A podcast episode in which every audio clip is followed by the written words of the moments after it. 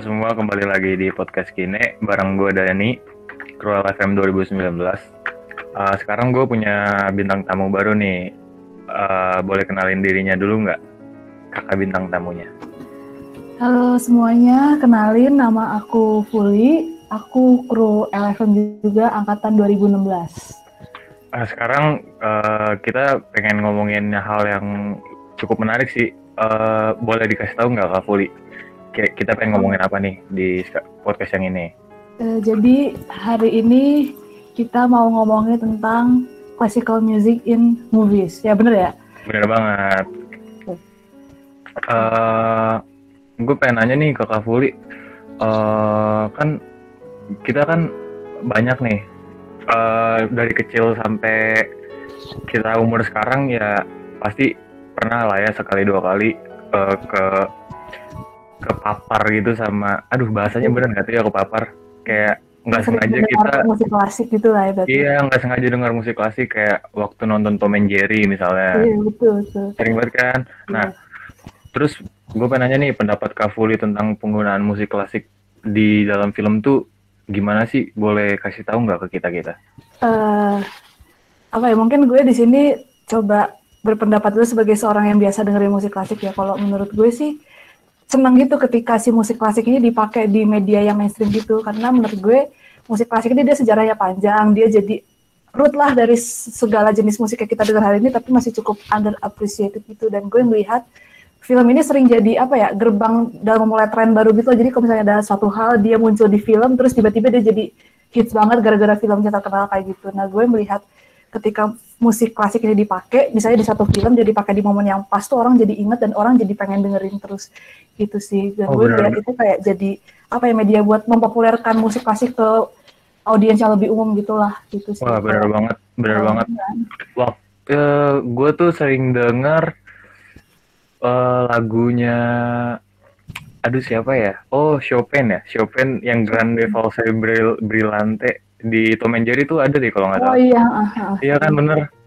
Terus, Terus kayak dia sering dipasangin sama scene yang seru gitu kan, jadi kayak lu iya. jadi penasaran ini lagu apa sih gitu. Oh iya tuh bener. Oh terus ini tuh kalau nggak salah, uh, lu tahu ini nggak kak? Waltz of the Flowers-nya Tchaikovsky. Oh iya, tahu tahu itu. Itu juga. sering, sering di ini nggak sih? Sering di scene-scene yang kayak gue nggak tahu kenapa nggak ngerti, tapi kayaknya sering di scene pembunuhan-pembunuhan gitu. Iya benar. Mungkin teman-teman mungkin kalau teman-teman yang dengar mungkin judulnya nggak familiar cuman kalau dicari di YouTube pasti langsung oh lagu ini. Gitu. Nanti teman-teman cari aja. Oh ini boleh nih. Nih uh, bentar lagi gue bakal style dikit nih Walls of the Flowers-nya oh, boleh boleh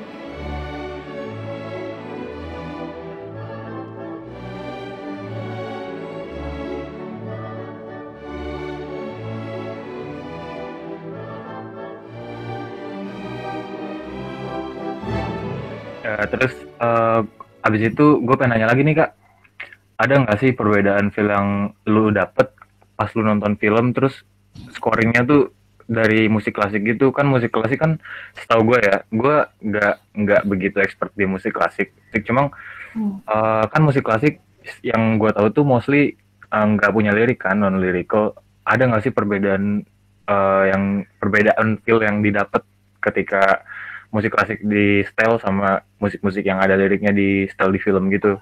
Berarti dibandinginnya kayak ketika si film tuh pakai musik klasik sama soundtrack ya? Kan iya, kalau di film kan pasti ada scoring, ada soundtrack. Terus ini maksudnya berarti sama soundtrack yang berlirik gitu berarti ya? Oh iya benar benar benar. Uh, sebenarnya mau disclaimer dikit kayak sebenarnya musik klasik benar sih memang mostly instrumental tapi sebenarnya ada kok beberapa bentuk musik klasik yang berlirik gitu cuman emang kurang populer kayak opera ada mass gitu yang biasa dinyanyi di gereja gitu. Cuman mungkin di sini kita lebih ke yang instrumental aja kali ya. Uh, apa ya? Ketika di film gitu, menurut gue ketika dia pakai soundtrack yang berlirik itu buat buat menggambarkan suatu scene gitu tuh kayak apa ya interpretasi lo dari lagu terhadap scene yang lagi tonton lu tonton tuh kayak terbatas gitu karena ada lirik yang uh. secara jelas ngegambarin ini lo masuk sini gini-gini gitu jadi kayak lo gak bisa punya kebebasan buat interpretasi gitu terus selain itu yang lucu adalah ketika si soundtrack suatu film tuh dia menggunakan lagu yang udah terkenal duluan gitu dan jatuhnya nih malah memecah fokus ketika lu nonton gitu loh. Jadi lu bukannya nonton gitu lu malah dengerin lagunya gitu. Kayak gue pernah lah denger misalnya apa ya kalau tahu Amazing Spider-Man kan gue inget tuh yang ada yang Andrew Garfield tuh pokoknya ada satu scene di mana si Peter Parker tuh lagi gantung-gantung di tempat yang agak abandoned gitu terus dia ada lagunya Ah. Coldplay gitu. Nah pas banget tuh gue gue cukup suka Coldplay juga kan gue malah fokus dengerin gitu instead of nonton scene-nya. Sedangkan ketika sebagai filmmaker lo nggak mau dong perhatian penonton tuh teralih gitu. Padahal tujuan lo masukin soundtrack adalah memperkuat pesan yang mau lo sampaikan di film gitu kan. Wah, setuju banget gua. Gua juga pernah tuh kayak nonton film Boyhood. Lu pernah nonton Boyhood nggak, Kak? Belum tapi pengen udah lama masuk watchlist gue Boyhood. Oh iya tuh, tuh di awal-awal langsung di setel lagunya Coldplay gitu ya lo ya. Gua bukannya malah langsung bener sih kata lu langsung kepecah Iya, kan? gitu. Oh bener, malah, malah pengen ikutan nyanyi gitu ya. Bener, Iya, bener, bener. Gue setuju banget sama ini lo. Karena lu sebagai orang lu akan gampang mem- menginterpretasikan kata-kata gitu loh. Jadi kayak Ah, malah kepecah perhatiannya. Sedangkan kalau lu pakai musik klasik gitu ya, karena dia instrumental juga ketika penempatan yang tepat itu si musik ini tuh kayak apa ya berperan juga dalam membangun ambience dari scene yang lagi lu tonton gitu sih kalau instrumental ya kalau boleh gue boleh ambil contoh gitu nggak kayak boleh, boleh, boleh. sih musik klasik ini ini di salah satu film favorit gue yaitu Call Me By Your Name udah nonton Oh. belum? Udah, udah, udah. Itu salah satu film favorit gue. Ah, pas pas Eh, kalau kayak gitu Kak, Kafuli, Kafuli. Gue Iya, boleh iya. tebak nggak lagunya apa kira-kira? apa tuh boleh boleh coba Dari Rafael bukan dari Rafael. iya benar Rafael pasti pasti gue nggak tahu cara bacanya tapi Unebar iya iya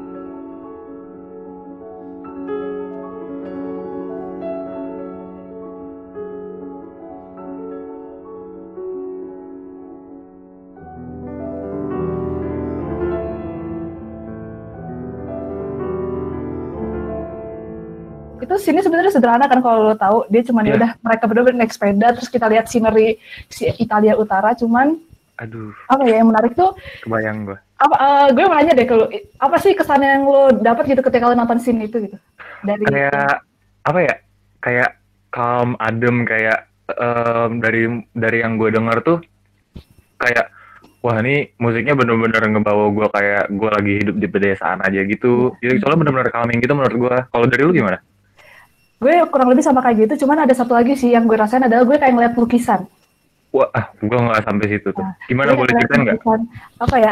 Gue ngeliat kayak si scenery-nya tuh kayak apa ya kayak bagus banget gitu kan. Lu kayak ngeliat itu Ah. biasa di lukisan gitu. Dan menurut gue si lagunya si Rafael itu cukup memperkuat kesan itu. Dan sedikit fun fact tuh kayak ada satu scene yang gak jauh dari situ gue lupa spesifiknya. Itu tuh dia ada di lukisannya Claude Monet lu tau nggak Claude Monet mau Claude Mon Monet gue nggak tahu oh ngomongnya tu- gimana. tulisannya Monet ya Monet ya iya iya iya Jadi tahu yang menarik adalah Claude Monet ini salah satu pelukis yang genrenya adalah impressionism gitu. Kalau lo Hah? tahu apa ya, gue mungkin nggak bisa jelasin gitu sih. Cuman kalau cari contoh lukisannya, ketika lo lihat lukisannya Claude Monet dengan lo dengerin musiknya Rafael yang ini tuh sama kesannya tuh sama gitu loh. Dan itu menurut gue dan eh, yang menarik gitu loh. Jadi ketika scene sama musiknya tuh ada benang merahnya gitu. Oh iya, eh tapi hebatnya lagi dari dari gua kan tahu une ah, apalah itu bacanya Unebar Venture Lotion itu dari Call Me By Your Name juga kan. Sama- Uniknya adalah di saat gua di saat gua denger lagu itu yang gua kebayang itu malah film itu dan scene itu scene itu gitu hebat banget Bener. gitu menurut gua musik eh, instrumental yang kayak gitu. Ya itu itu juga sebenarnya salah satu poin yang mau gue coba jelasin juga. Jadi kayak apa ya musik klasik tuh dia tuh nggak ada lirik. Jadi lu sebenarnya bebas gitu lo mau membayangkan si lagu itu seperti apa. Tapi at the same time tuh ada suatu gambaran yang jelas tergambar di pikiran lo gitu dengan lagu itu. Persis kayak yang lu ceritain tadi gitu. Mungkin gue pengen cerita satu contoh. Ini bukan soundtrack sih, cuman ada satu lagu klasik Apa yang dia menarik banget. Judulnya adalah Simfoni nomor 11 dari Shostakovich. Jadi tuh dia Hmm. Satu simfoni yang terinspirasi dari perang di Rusia tahun 1905 gitu. Dan ketika gue dengerin itu, coba deh teman-teman mungkin kalau ada yang tertarik dengerin itu movement duanya tuh itu cukup menggambarkan perang tuh kayak gimana gitu dimulai dari ya bersih tegang antara dua pihak ketika perang, terus ketika perangnya meletus, terus habis itu banyak korban berjatuhan. Itu tuh ketika lu dengerin lagu itu tuh lu bisa banget melihat scene perangnya gitu, padahal tuh cuma lagu gitu loh. Itu menurut gue itu adalah salah satu kerennya musik klasik gitu dan si lagu ini tuh sering banget dijuluki sebagai film music without film gitu. Karena ketika lo dengerin film lagu itu tuh lo kayak lagi nonton film perang literally. Padahal gak ada filmnya. Oh, kalau gua eh gua so- itu Shostakovich ya. iya Shostakovich Gue Ya, gue tuh tahu juga satu eh, satu lagu klasik yang yang ngebawa bener-bener ambience perangnya tuh. Hmm. ini terlalu kayaknya banyak orang yang tahu tapi 18 eh Iya, 1812 Overture-nya Iya, Tchaikovsky. Oh iya. itu iya. benar-benar kayak gue berasa perang gitu. Wah hebat ya, Iya. bener-bener. Gue setuju banget sama lu, Kak Iya. Puli. Jadi gitu. Maksudnya kayak apa ya musik klasik tuh kayak ya gue juga gak ngerti gimana sih caranya si komposer itu bisa ngekompos lagu gak ada lirik gitu saya jadi gak ada lirik lu nggak bisa nyampein ngejelas tuh lu mau nulis apa tapi at the same time pendengar tuh bisa ngerasain gitu apa sih yang sebenarnya mau ditulis gitu apa yang mau disampaikan oleh si komposernya gitu Oh iya iya. Wah, dan itu sangat gila-gila. sangat bisa dimanfaatkan buat scoring film kan karena ya scoring tadi ketika apa ya scoring itu kan lu bikin musik sengaja buat memperkuat buat suatu scene gitu kan jadi dia penyampaian Ah. pesannya bisa lebih kuat segala macam dan menurut gue si musik klasik itu tuh lu bisa manfaatkan gitu sih buat bikin scoring instead of lu bikin dari nol gitu Oh benar-benar. benar.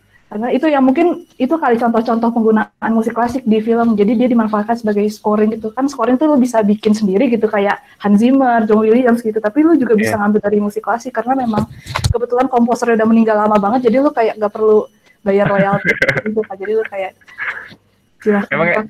Emang emang gue kurang tahu nih. Emang eh, kalau musik klasik tuh ini ya nggak ada copyright copyright gitu apa ada? Eh, sebenarnya kalau copyright musik itu ya setahu gue musik itu dia bisa masuk public domain dalam kata lain lu nggak usah mengkre lu tinggal mainin aja gitu kalau si pencipta lagunya itu udah meninggal sekitar 50 sampai 70 tahun. Sedangkan Oh. musik klasik itu udah ada dari 1600-an gitu kan kayak udah berapa sekian abad lah gitu. Cuman mungkin Nasib kalau pakai itu di film ya lu jangan ambil audio tapi lu coba hire temen atau siapa yang lu kenal buat mainin gitu. Itu Oh, iya. seenggaknya kayak menurut gue lebih hemat effort aja ketimbang lu kan lu sering gitu ketika lu teman-teman mau bikin film kan pengen pakai lagu cuman kayak source-nya dari mana gitu. Kalau pakai yang free royalty mungkin pilihannya nggak terlalu banyak, tapi kalau mau ambil yang bagus terkendala copyright gitu-gitu, nah menurut gue musik klasik itu bisa dimanfaatkan gitu sih. Asal lu kenal temen yang bisa atau siapa pun lah yang bisa mainin si lagunya itu. Oh oke oke. Nice info. Gue baru tahu nih masalah kayak gini. Gue juga nggak tahu itu random knowledge aja gue nggak tahu tahu dari mana juga. Oke oke. Eh, pertanyaan selanjutnya. Eh tapi kayaknya udah kejawab sih. Tapi mungkin kalau gue tanyain lagi ada yang baru nih yang bisa digali Oh, dari Kak Fuli. Menurut lu lirik dari lagu yang ada di film tuh uh, mempengaruhi feel kita nonton gak sih? Kayak Sangat. seberapa besar pengaruhnya? Hmm, sangat berpengaruh. Kalau tadi kan gue eh, bicara kalau yang mendistraksikan, cuman menurut gue ketika si lagu ini ditempatkan pada momen yang tepat, terus Hmm. mixingnya gue yakin sih sebenarnya itu juga berpengaruh, tapi gue nggak terlalu tahu teknisnya gimana. Itu berpengaruh gitu. Jadi mungkin sedikit FYI, gue dulu pernah sedikit belajar tentang nulis skenario dan salah satu apa ya wisdom yang gue terima adalah show don't tell gitu. Jadi ketika lo kan lo mau bikin film lo punya gagasan yang mau lo sampein. Nah itu tuh lo, lo jangan banyak pakai dialog karena nanti film lo bakal terlalu bertele-tele. Lo sebagai penonton lo bosan gak sih nonton film yang orangnya ngomong mulu. Hmm. Nah Kadang-kadang ya. ya kan? Heeh. Ya maksudnya ketika si dialognya nggak tepat juga kayak itu nggak baik gitu kan. Sebenarnya salah satu alternatif nih yang bisa lo manfaatkan untuk menyampaikan pesan ketika lo terbatas gitu mau pakai dialog adalah lewat lagu itu loh. Oh. Ini gue mau kasih contoh lagi nih film favorit kita aja nih Call Me By Your. Name. Coba boleh tebak coba coba tebak lagi sih yang mana. Eh, Ini scene yang waktu mana? yang Elio-nya main piano nggak? Eh, bukan. Bukan ya, itu terlalu basic gitu kayaknya. Hmm, Ini yang gue ambil contoh yang berlirik sih sebenarnya. Kalau tadi kan yang musik klasik tuh yang tadi kita Ah. bareng-bareng. Ini mungkin di scene terakhir sih, ini agak spoiler kalau scene terakhir banget sebelum credits ya. Yang mana tuh? Yang Elio-nya dinangis gitu di Oh, depan. Vision of. Gideon. Heeh, nah itu tuh kayak apa ya? Itu tuh scene tuh sebenarnya simple banget kayak ya udah dia nangis di depan perapian, sudah Ah. suara flickering perapian tuh kalau lu nggak tambahin apa-apa kan sebenarnya ya udah banget. Tapi banget apa ya. ya, yang mau disampaikan di film di sini itu tuh bukan Elio nangis, tapi Elio sedih dan patah hati. Tapi nyampeinnya gimana sih masa kita bikin dia ada monolog kan enggak ya? Atau Ah. kita menggambarkan suara hati dia juga nggak realistis gitu kan? Kan di situ si lagu Visions of Gideon itu dipakai buat kasih tahu deh ke penonton dia yang dia rasain apa. Tapi jadinya saling melengkapin gitu. Jadi dan menurut gue itu bikin ekstra sedih gitu sih di scene itu. Gitu. Sampai kalau gue pribadi ya gue level empati sama dia sih gue kayak sampai bisa ngerasain dia sedihnya gitu. Aduh, gua masih kepikiran sampai sekarang endingnya. Aduh, kayak sedih banget. Sedih banget kan makanya menurut gue Iya. itu itulah salah satu apa ya contoh gimana sih lirik lagu tuh berpengaruh dalam apa ya mendeliver pesan dari film gitu sih menurut gue. Hmm, Oke, oke. Gue setuju banget sama Kalau lu sendiri apakah pernah nonton film apa ya ada film yang gara-gara ada lagu di situ juga memberikan kesan yang double-double gitu? Kalau dari lu ada kayak gitu nggak? Eh, Pernah merasakan seperti itu mungkin? wah, Call Me By Your Name itu ya itu udah benar-benar udah udah parah lah ya. Iya. terus apalagi ya yang tapi bukan musik klasik kali ya Eh gue pernah nonton Her lu pernah nonton Her gak? Ya, gue juga suka. Gue tuh dulu suka itu nonton Her, tapi kayak udah lama, jadi kayak gue udah agak lupa. Cuman itu juga nyesek banget sih, Her. Iya, ada tuh eh, yang scene-nya si Theodore di atap di akhir-akhir. Sorry spoiler, cuma di atap Oh, di iya. akhir-akhir berdua sama si Amy Adams. Eh scoringnya dari si Arcade Fire judulnya Dimensions itu gue suka banget. Oh, gue tahu, tahu. Iya, itu bener-bener, waduh. Kadang-kadang gue kalau lagi naik Gojek balik dari pulang kuliah tuh gue dengernya Dimensions-nya Arcade Fire. Udah enak banget. Setuju, setuju. Jadi bikin bikin kayak ya ada feel yang beda gitu lah menurut gue. Oke oke, lanjut lanjut lanjut. Eh boleh dong kasih tahu ke kita kita nih beberapa musik klasik yang sering banget, mungkin sering banget kita dengar secara nggak sengaja, tapi Hmm. nggak tahu nih judulnya apa, tapi aduh kayak gue tahu nih lagu tapi gue nggak tahu judulnya apa. Nah misalnya kayak gitu tuh gue sering banget mikir gitu. Kalau lo gue sering ketika juga- lu Heeh, Soalnya gue sering juga kayak, aduh ini sebenarnya judulnya apa sih? Gue tuh pengen banget tahu, pengen tahu versi fullnya, cuma gue taunya cuma beberapa apa beberapa bar doang mungkin ya. Gue nggak tahu bahasanya beberapa part doang. Boleh dong kasih tahu ke kita kita. ini sih mungkin yang menariknya ketika lu dengerin selewat kalau misalnya lagu biasa kan lu kalau eh ini lagunya menarik terus lu denger liriknya dikit lu bisa googling gitu. Sampai kalau ke lagu klasik apa yang mau lu googling kan gitu kayak itu Iya, bener banget. kan Jadi Hah? Eh, apa ya? Banyak sih sebenarnya kayak tipikal lagu klasik yang klasik classical music you heard but you don't know the title of itu banyak sih.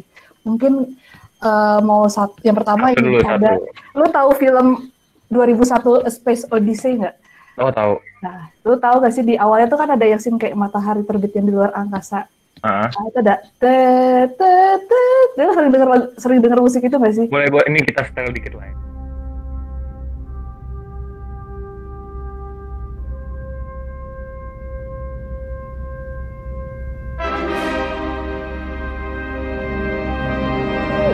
Itu sering banget denger dan gue juga baru tahu ternyata itu adalah judulnya Alsos Zarathustra agak susah baca judulnya itu dari Richard Strauss. Oh, Richard gue- Strauss. Ya, Tahu Strauss. tahu tahu tahu. Terus Itu terus gue yakin teman-teman pasti sering denger sih. Terus apalagi ya? Ini deh yang nomor dua nomor dua. sekarang. Nomor dua. eh ini.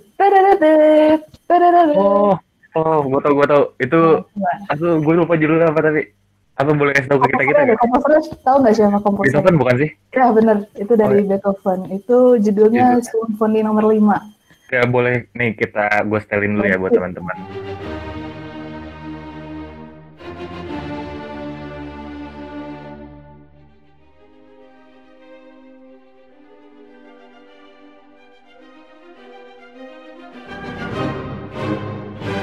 Ini nomor 5 tadi judulnya. Itu nomor 5. Sekarang kasih tahu nomor kita yang ketiga dong kak judulnya.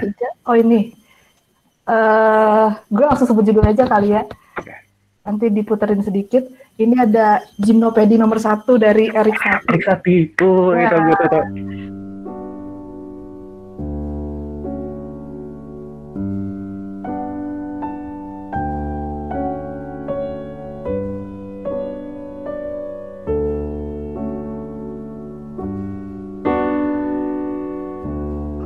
Music to relax lah yang kalau orang taunya gitu. Karena emang cukup relaxing. Ya. Cuman kalau cari tahu historinya kayak eh, itu tidak seindah kedengarannya sih. Oh. Kalau kepo boleh cari tahu. Iya, gue gue kayaknya tahu dikit. Itu jadi setahu gue Gymnopedi itu, eh sorry banget teman-teman nih agak out of context mungkin, tapi setahu gue Gym- Gymnopedi itu eh, lagu yang intended untuk bukan maksudnya kayak apa sih judulnya? Eh namanya furniture music itu ya? Apa sih? Oh, gue kurang tahu sih itu. Tapi ada beberapa lagunya Satya yang emang di setel biar orang-orang nggak nggak usah notice ke lagunya, ya udah lakuin iya, aktivitas itu aja gitu. Iya kan? Emang komposernya emang kayak gitu orangnya. Wih, kayak Oh. kenal banget ya. Nomor nomor empat kak. Eh, ini. Itu adalah string quintet nomor 5 dari Bocerini. Itu teman-teman pasti sering denger lah di lagu nikahan kayak atau lagu apa tuh. Oke, okay, gue setelin deket ya.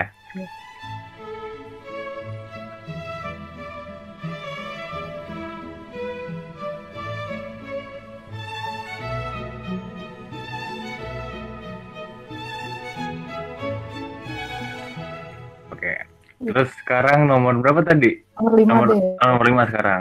Ini ada ini kalau kata orang yang sering main piano ini cukup overplay tapi gue pribadi suka itu kayaknya gue gue yakin lu juga kayak tahu deh ini Claire de Lune dari Debussy. Oh, aduh. Claude Debussy ya? Iya, Claire Debussy itu salah satu komposer favorit gue sih kan. Ini buat temen buat temen-temen yang mungkin belum tahu Claire de Lune tuh kayak gimana, nih.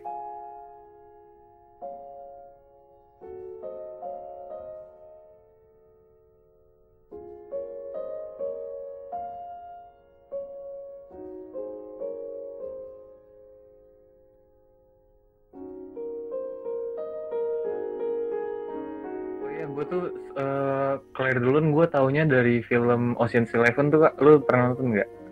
Oh iya iya, tahu. Ada ada scene-nya nggak sih? Heeh. Heeh, terus habis itu seta- eh, Claire, Claire, Claire de Lune tuh ini nggak sih kayak sama-sama kayak gymnopedi gitu, mu- music to relax gitu? Apa Iya enggak? sih. Oh iya ya. Aku suka cuman kalau gue pribadi dengerin Gymnopedi relax tapi kalau dengerin Claire de Lune gue sedih sih. Waduh. nomor sekarang nomor 6 deh nomor 6. Nomor 6 eh gue gak nyiapin banyak sih ini mungkin yang terakhir kali yang 6. Eh ini deh kalau lo bisa nonton film kartun terus ada scene vampir atau scene yang rada serem. Hmm, itu apa? adalah Toccata and Fugue in D minor dari Bach. Bah, oh Iya. iya iya tahu tahu. Nih gue setelin dikit deh buat teman-teman yang belum tahu mungkin.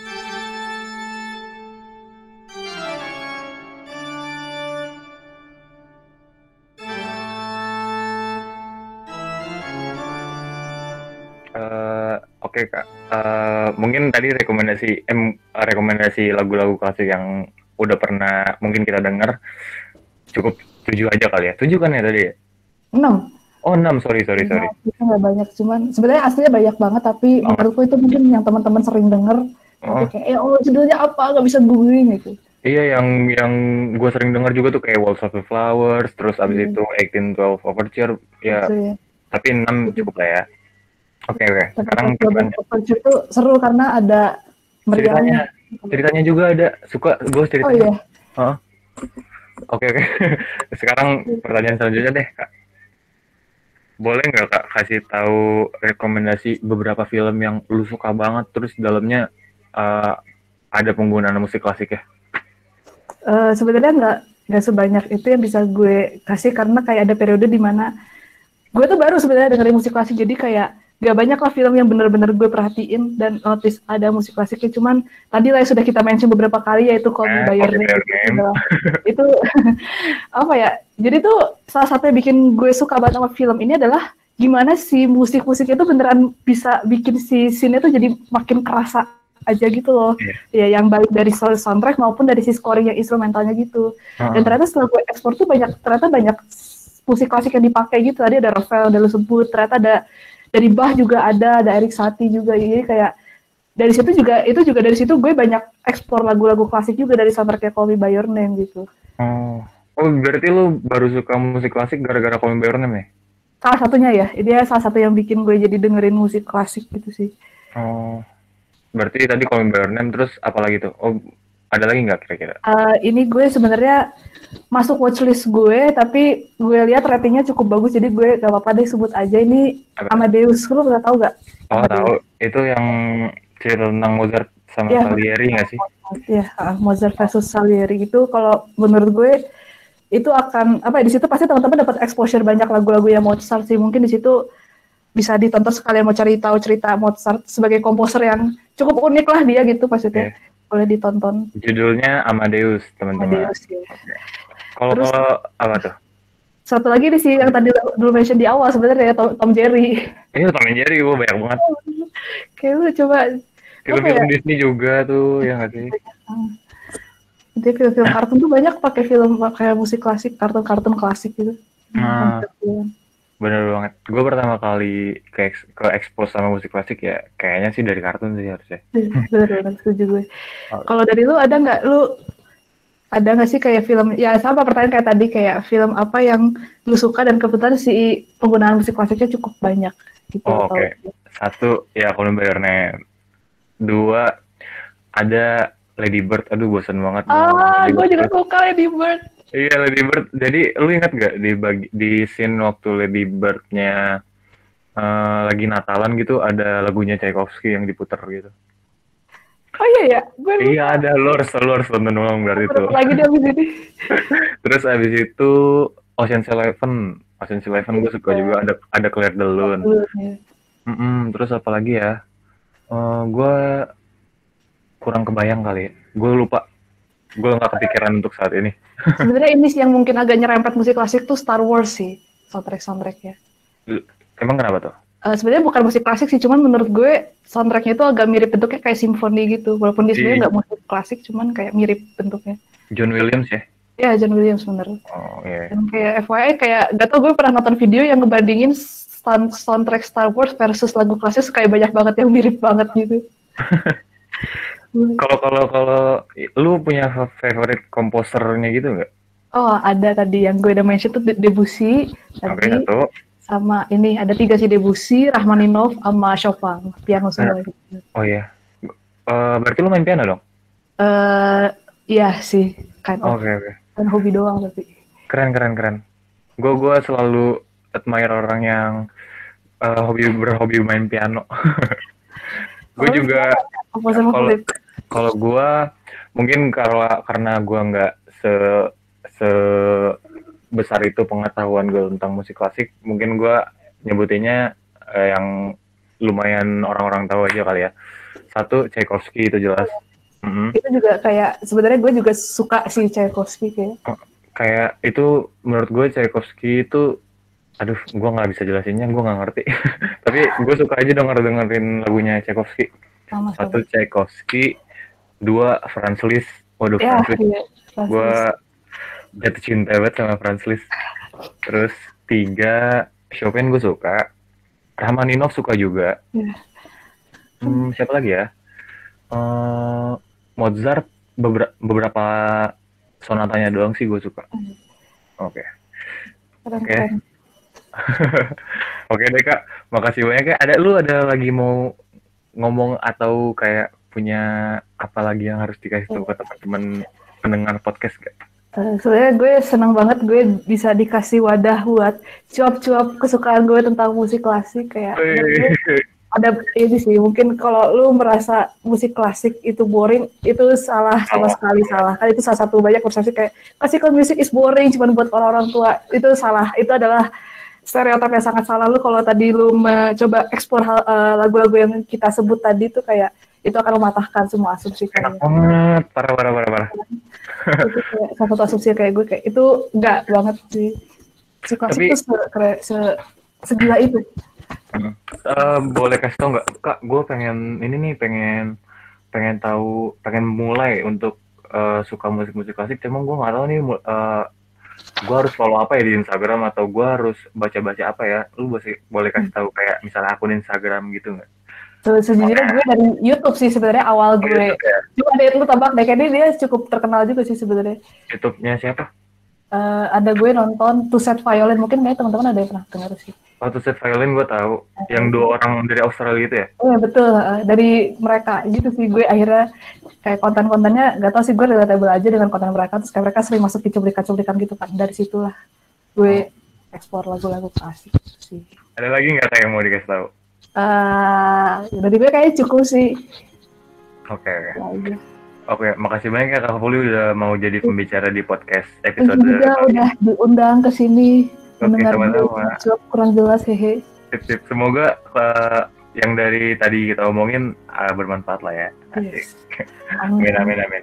Terima kasih banyak ya sekali lagi Kak Puli. Terima kasih juga. Oke, sekian teman-teman podcast episode kali ini. Eh, sorry banget kalau ada kesalahan kata. Jangan lupa dengerin musik klasik karena ya seperti yang Kak Puli bilang, asik-asik.